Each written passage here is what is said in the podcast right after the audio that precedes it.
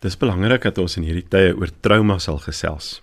Nou jy weet wat 'n trauma, dit beteken iets groots en ernstigs het met jou gebeur of met iemand baie naby aan jou en die nuus het jou so geskok en jou so seer gemaak dat dit vir jou emosionele stres veroorsaak in so 'n mate dat jy sukkel om daarvan te herstel. Dis asof dit heeltyd by jou is en jou traumatiseer. Dit's maklik om te dink aan so iets as dit gaan oor 'n ding wat met jouself gebeur het. Maar weet jy wat? Ons het agtergekom mense kan getraumatiseer wees deur iets wat glad nie met jouself gebeur het of selfs iemand naby aan jou nie.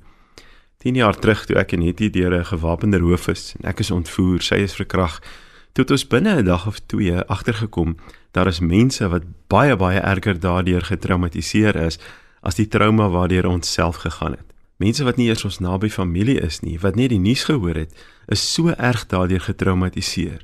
Oor hoe hulle geskok het dat so iets met mense soos ons kon gebeur en ons moes daardie mense daardeur begin help. Nou ek is geen sielkundige nie, die kan my vrou en kinders goed van getuig.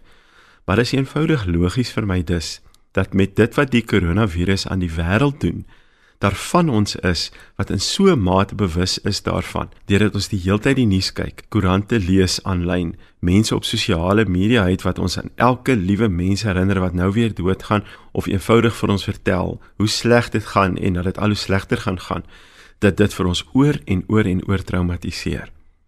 Jy moet besef dat dit met jou so kan wees. As jy 'n tipe persoon is wat heeltyd die nuus wil lees. As jy môre jou oë oopmaak en jy sit jou foon aan om te kyk hoeveel mense is nou weer geïnfekteer en hoeveel mense is dood, wat heeltyd op Facebook jou tyd spandeer omdat jy nou in isolasie is en al wat jy eintlik het om te doen is om al die slegte nuus oor en oor te lees.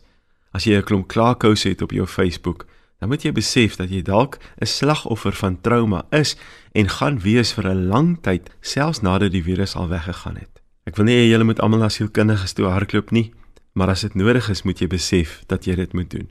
Ek wil veral hê dat jy na die Here toe sal gaan en sal besef dat jy genesing nodig het as jy trauma beleef in hierdie tyd. Moenie toelaat dat jy siek en stikkend uit hierdie ding uitkom, selfs al het jy nooit van die virus self siek geword nie.